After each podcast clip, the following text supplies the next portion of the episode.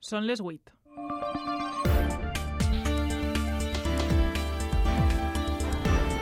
A punt. Les notícies de la nit. Amb Sara Garcia. Hola, com estan? Divendres complicat a Fort Almussafes després que la direcció ha comunicat als sindicats la intenció d'obrir un període de consultes per a aplicar un expedient de regulació d'ocupació, un ERO, que estava anunciat però que encara no tenia data i de moment tampoc xifres. Ho confirmava Dani Portillo, portaveu d'Intersindical STM a Fort. Todavía no nos han contado eh, la afectación hacia la plantilla ni tampoco los plazos, así como el sentido en el que se va a hacer la negociación. Esperemos que sea eh, el número más reducido posible y que todas las salidas sean, voluntarias. El que sí que se sap és que en un període màxim de 7 dies es formarà la comissió negociadora de Xero. Mentrestant, entre la plantilla s'està en compàs d'espera. No estem preocupats. Se suposa que està tot controlat i que ens van a, a facilitar que tot continua igual, no, no té per què canviar res. Estem esperant a veure com va la cosa, però bueno. Con, con inquietud y, y demás, pero bueno, esperando a ver Però això no vol dir que si n'hi ha una reducció de plantilla per part de, de Ford, que això pugui repercutir i que les empreses al voltant pogueren també imitar aquesta actitud. És una de les notícies més destacades d'avui divendres 3 de març, dia en què tenim 25 minuts per a explicar-los esta i altres qüestions d'interès, com per exemple que Sanitat Universal i els sindicats han arribat a un acord sobre la jornada laboral de 35 hores setmanals. José Soler. La Conselleria i la majoria dels sindicats presents en la taula sectorial de Sanitat han acordat tancar dimecres que ve mesures concretes per a millorar l'assistència sanitària a la ciutadania i les condicions laborals del cos de professionals. En concret, la jornada laboral de 35 hores setmanals. Per contra, el sindicat mèdic s'ha desmarcat de la negociació i manté la vaga prevista per al pròxim dilluns. Jesús Gil, vicepresecretari general del sindicat mèdic, i Eva Plana, que fa de portaveu de la resta de sindicats. CNST-USAE pues, se ha negado a que hoy se negocie nada porque está la convocatoria solo pone hacer un calendario, entonces no podíamos entrar en ningún tema que no estuviera en el orden del día. Una farsa. Nosaltres no estem a favor de la vaga, hem vingut així per negociar. L'administració ha proposat les 35 hores que veníem reivindicat en el pacte primer que teníem. Sevisama tanca amb bones expectatives de venda, tot i que encara no recupera els nivells previs a la pandèmia. Amb una alta afluència de visitants, un 25% estrangers, el sector continua apostant per la qualitat, tot i la pujada dels preus per l'alta inflació. Carmen Álvarez, directora de Sevisama. Las expectativas se han superado con creces. El producto español, tanto de la cerámica como del baño, es de 10.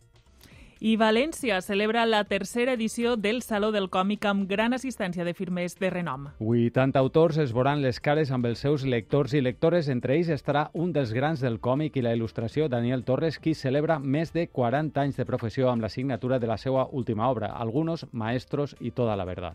Torres, ¿qué has hecho durante, durante este, este pequeño lapso de tiempo de, de 40 años? Algo así como una autoconfesión de, de dónde vengo y quién soy. Eso, eso tan complicado y tan sencillo, eso es lo que, he querido contestar con este libro, con estas ilustraciones.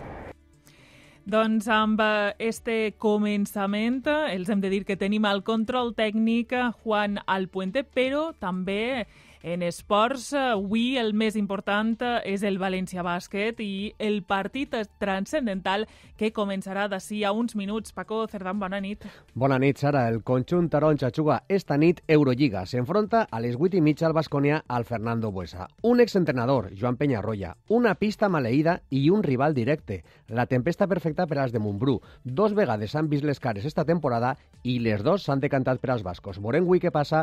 L'objectiu és tornar al top 8 i aconseguir un nou rècord de victòries consecutives fora de casa. Moltes gràcies, Paco.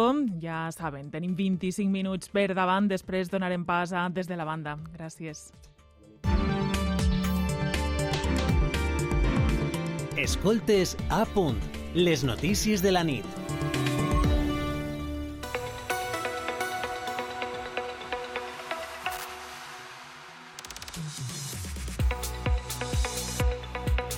Són pràcticament les 8 i 5 de la nit. Comencem.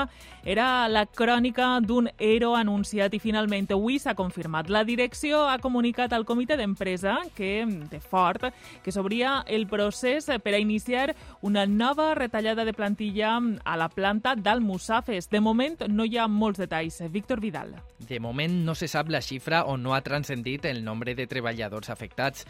És un ajust que es donava per fet, però ara cal negociar les condicions. Daniel Portillo, portaveu d'Intersindical Valenciana en Ford Almusafes. Todavía no nos han contado eh, la afectación hacia la plantilla ni tampoco los plazos, así como el sentido en el que se va a hacer la negociación. Que todas las salidas sean voluntarias, por supuesto nosotros nos vamos a trabajar por la acción, por, el, por la unidad de acción en el comité de empresa y para evitar que haya salidas traumáticas. Esta retallada de plantilla se suma a la pròrroga d'un ERTO que afecta a 700 treballadors fins a finals de juny. La càrrega de treball ha baixat notablement en els últims mesos i baixarà més a partir d'abril, quan deixaran de fabricar-se els models S-Max i Galaxy. Una inestabilitat que preocupa a la plantilla. Sentim alguns treballadors de Ford Almusafes. Nosotros sí, claro, siempre hay un poquito de nerviosismo, claro. Bore plan de prejubilacions, bore tema de, de incentivar despidos i ja està. Que mos ho faciliten i ja està. Si n'hi ha una reducció de plantilla per part de, de Ford, que això puga repercutir i que les empreses al voltant puguen també imitar aquesta actitud. En els últims dos anys, dos eros més han acabat amb un miler de treballadors en la factoria d'Almusafes i en l'horitzó l'electrificació de la planta, que també du aparellada una disminució de la mà d'obra.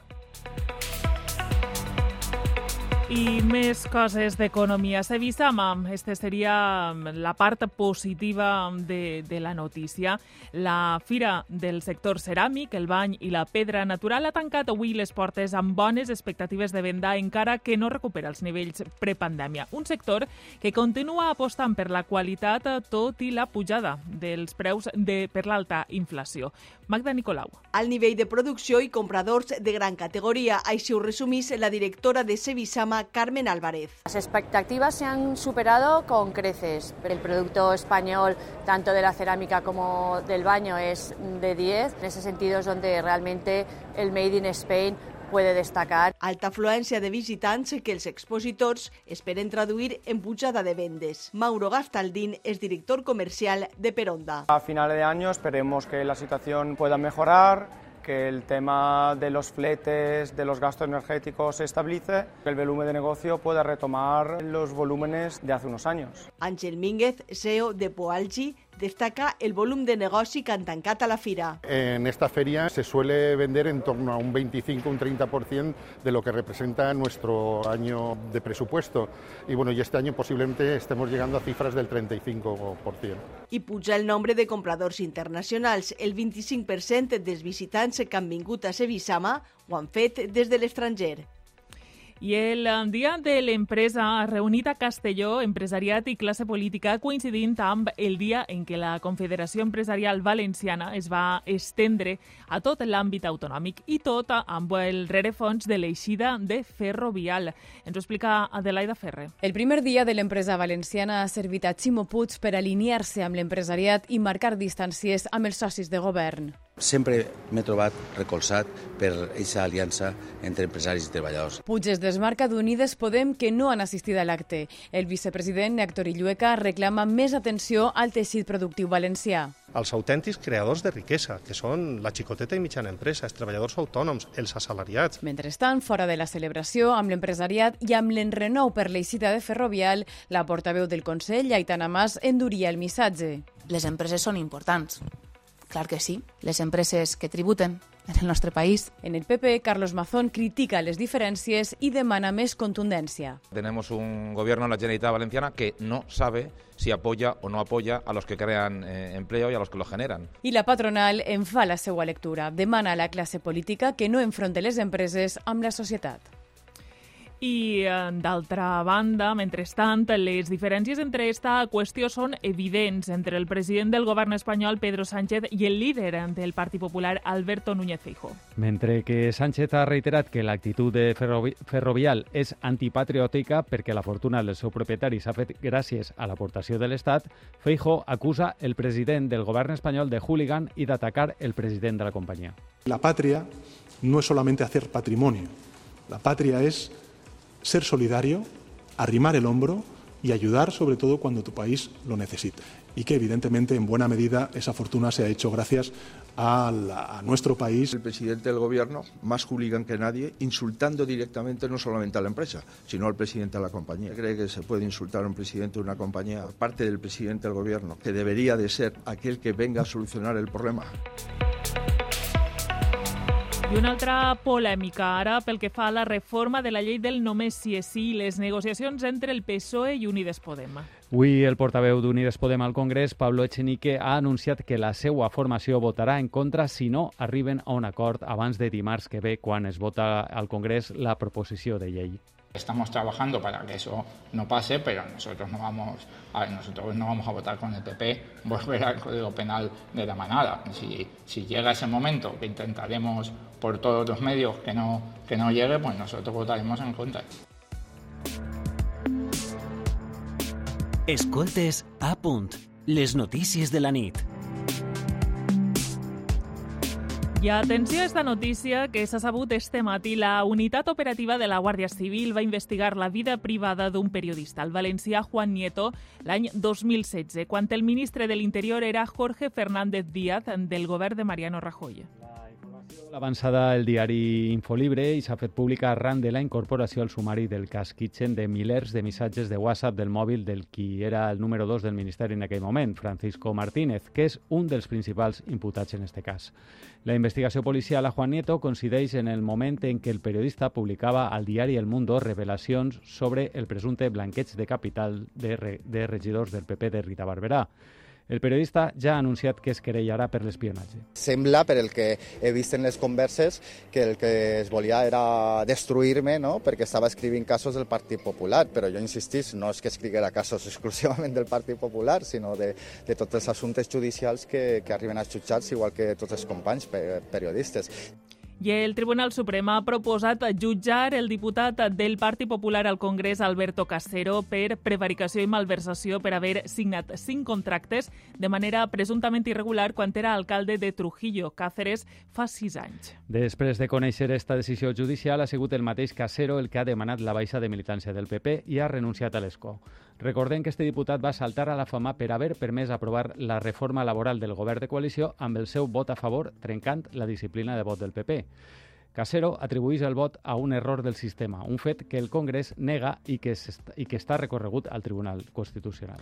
I la jutgessa del cas mediador manté en presó el general de la Guàrdia Civil, Francisco Espinosa, per a evitar la destrucció de proves. Desestima així la petició d'Espinosa, que havia demanat la llibertat provisional. En la seva declaració, Espinosa assegura que l'empresari Marco Antonio Navarro Tacoronte, el suposat intermediari, el va utilitzar com a esquer per a extorsionar empresaris. La jutgessa d'este cas ha obert dos peces separades més amb la informació aportada per l'intermediari que dona nom al cas mediador, així com amb les proves recollides en els registres, una de les quals ha sigut declarada secreta. Recordem que en el cas mediador s'investiga una trama de frau i comissions a empresaris a canvi de favors, així com a extorsió a altres. Un jutjat de Madrid investiga la reforma de 13 comandàncies de la Guàrdia Civil per un, per un empresari vinculat a este cas, entre elles les d'Alacant i Castelló. I el juí pels anomenats zombis d'Imelsa i Ciexa, personal d'aquestes empreses públiques que cobrava sense anar a treballar, entra en la fase final. Este matí, en les conclusions definitives, la Fiscalia Anticorrupció ha ampliat la petició de penes a l'exgerent d'Imelsa, Marcos Benavent. El Ministeri Públic li reclama 12 anys de presó, el mateix que a l'expresident de la Diputació de València, Alfonso Rus. Se suprime la atenuante de confesión de Marcos Benavent. A Marcos Benavent ya le vamos a solicitar más pena, evidentemente, junto con Alfonso Rus, la misma que Alfonso Rus, a Máximo Caturla y a Emilio Llopis. A l'inici del procediment, Benavent va col·laborar amb la, justi amb la justícia, però després se'n va desdir. Per això la Fiscalia elimina ara l'atenuant de confessió. Així han valorat les peticions de condemna tant Marcos Benavent com Alfonso Rus. Això és el premi per haver col·laborat durant tants anys. Així no ho valoren ells. Això és el que n'hi ha. Ja veurem el que fem. Nosaltres ja sabeu que defenguem la nulitat de tot el procés. És que bon xic, que va ser un... És que Benavent diu una cosa, demà diu una altra, entonces, claro el dimarts comencem la feina. Condemnat a un any i deu mesos de presó l'expresident del València, Pedro Cortés, per abusar sexualment d'un menor, segons ha avançat, en este cas, eh, segons s'ha pogut confirmar des de punt. La investigació es va iniciar per la denúncia d'un jugador del club que tenia 16 anys amb qui havia establit una relació de confiança tant ell com la seva família. La Fiscalia demanava dos anys i mig de presó, mentre que l'acusació particular en demanava dos. Amb la decisió del jutjat, Pedro Cortés eludirà la presó. El jutjat, això sí, el condemna a indemnitzar amb 6.000 euros la víctima i li prohibeix acostar-se a ell a menys de 200 metres, així com qualsevol tipus de comunicació durant tres anys. A més, Pedro Cortés tindrà llibertat vigilada durant dos anys. Les notícies de la nit.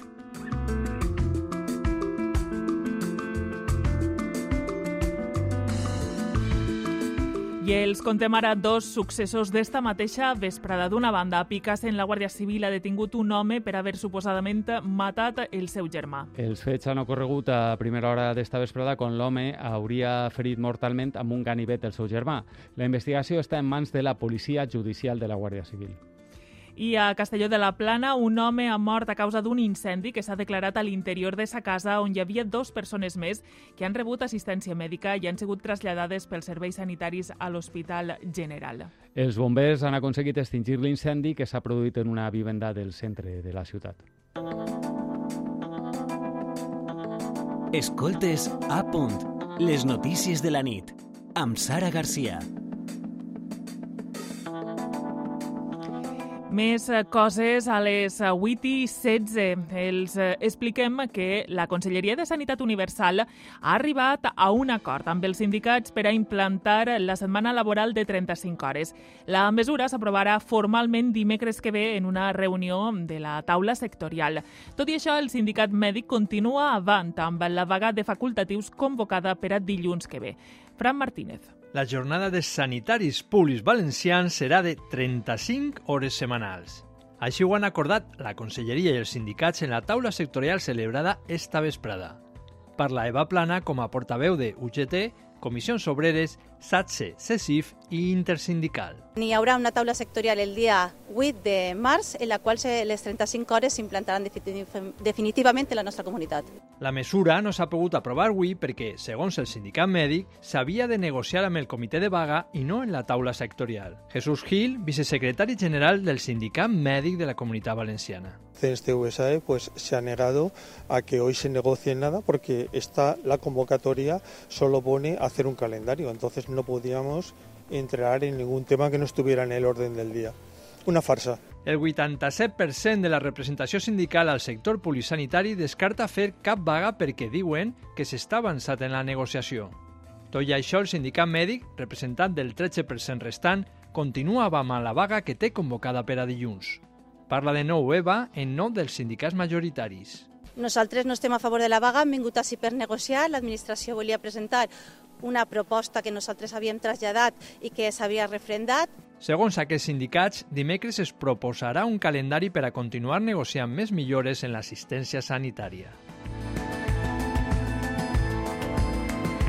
I un altre sindicat, en este cas el sindicat independent ferroviari, ha convocat a vaga en el metro de València durant els dies de falles, en concret dijous 16 i dissabte 18 de març, en horaris que en principi no afectaran els grans actes fallers. Les aturades convocades són entre les 9 i les 10 i mitja del matí del dia 16 de març i entre les 6 menys 10 i les 7 i 20 de la vesprada del 18 de març.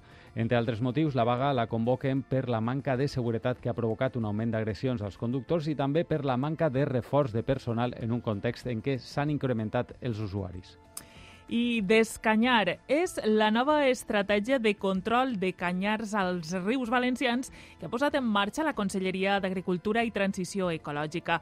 L'objectiu és fer front a una planta invasora per a recuperar el valor de corredor biològic que tenen els rius. La nova estratègia s'ha traçat comptant amb els ajuntaments, les, associa les associacions ambientalistes i la Confederació Hidrogràfica del Xúquer.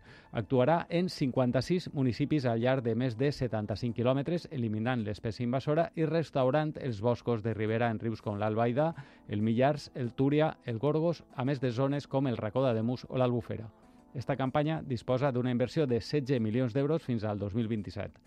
Isaura Navarro és la consellera d'Agricultura i Transició Ecològica. Després d'una llarga investigació tenim el remei per a una problemàtica de canyars que són, és eh, una planta absolutament invasora que xupla aigua i que és perillosa per a provocar incendis. Aleshores és molt important eh, llevar-la i d'aquesta manera també recuperar l'accés als nostres rius, a les riberes. Escoltes a punt, les notícies de la nit. I eh, la fi del motor de combustió a la Unió Europea a partir de 2035 està en l'aire. Els 27 han ajornat la votació per a prohibir la venda de vehicles de dièsel i gasolina que s'havia de celebrar el pròxim dimarts, dia 7 de març, a Brussel·les per a reduir les emissions de CO2. Avui, Alemanya ha demanat fer un pas arrere i permetre alternatives netes com els combustibles sintètics. També Itàlia es mostra a favor de repensar la decisió.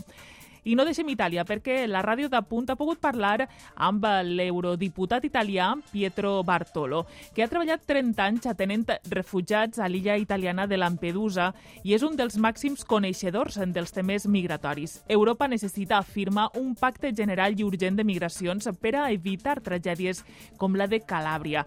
En cas contrari, els naufragis es repetiran. Rafa Salom. I un dels primers passos que ha de fer la Unió Europea ecco creare un servizio di ricerca e soccorso in mare europeo. És crear un servei europeu de rescat a la mar i evitar que les persones muiren. Si Europa no canvia d'estratègia en política migratòria, d'ací a un temps estarem lamentant una altra tragèdia com la de Calàbria, amb més de 60 morts. Bartolo treballava com a metge l'any 2013 a Lampedusa, on van morir 368 persones. Mi ricorda tantissimo vedere quei pigiamini, quei giocattoli. C'erano tanti bambini anche quella volta. Tot estava ple de joguets i n'hi havia molts xiquets morts. Europa, reitera, pot acollir 120.000 migrants a l'any, com ho ha fet en 5 milions d'ucraïnesos. I a Ucraïna, el cap dels mercenaris de Wagner, l'exèrcit paramilitar rus, declara que Bakhmut està pràcticament encerclada i demana a Zelensky que retire les seues tropes. El president ucraïnès ha respost que només ho farà quan siga absolutament necessari. I més al nord, Rússia tracta de conquerir de nou la regió, la regió de Kharkiv. El govern d'Ucraïna ja ha ordenat l'evacuació d'almenys 10 llogarets. El camí per a negociar la pau sembla estancat. El cap de la diplomàcia russa ha coincidit amb el seu homòleg nord-americà a la reunió del G20. Sergei Lavrov ha manifestat que no tornaran mai a confiar en cap soci d'Occident.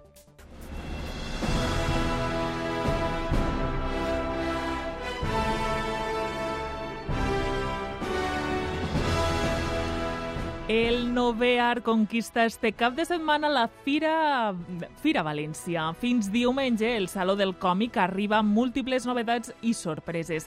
A més, 80 autors de primer nivell podran trobar-se amb els seus lectors i lectores. Entre altres, Daniel Torres, un dels il·lustradors més grans, que és tot un referent de la línia clara de l'Escola Valenciana. En esta tercera edició, Torres presenta el seu últim llibre, algunos maestros y toda la verdad. 12 lámines en que reflexiona sobre els més de 40 anys de profesión. Torres, ¿qué has hecho durante, durante este, este pequeño lapso de tiempo de, de 40 años? Algo así como una autoconfesión de, de dónde vengo y quién soy. Eso, eso tan complicado y tan sencillo, eso es lo que, que he querido contestar con este libro, con estas ilustraciones.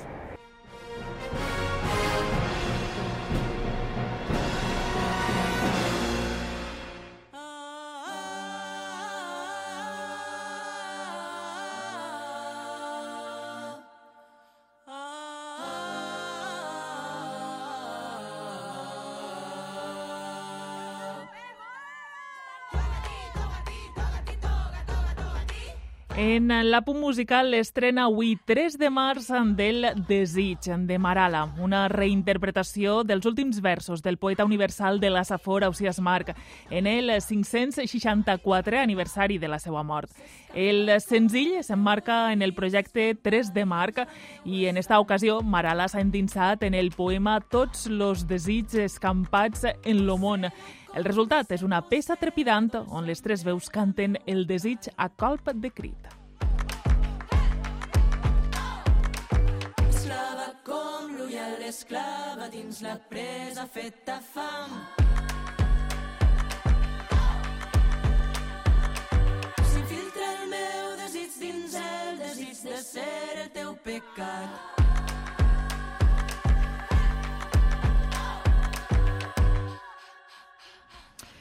I fins així les notícies de la nit. Ja saben que a partir d'ara tenen eh, a tot l'equip de Des de la Banda explicant, eixa, emetent o retransmitint, millor dit, el bàsquet, amb el València Bàsquet de protagonista. I ja saben que a partir de les 9 en apuntmedia.es tenen Territori Sonor.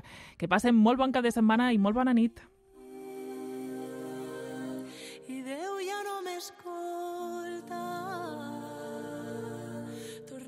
Esta soledat clavaet els ossos que un dia em fa forta i l'altre dia m'esfonsa S'escampa com el teu verí, s'escampa dins la meua sang.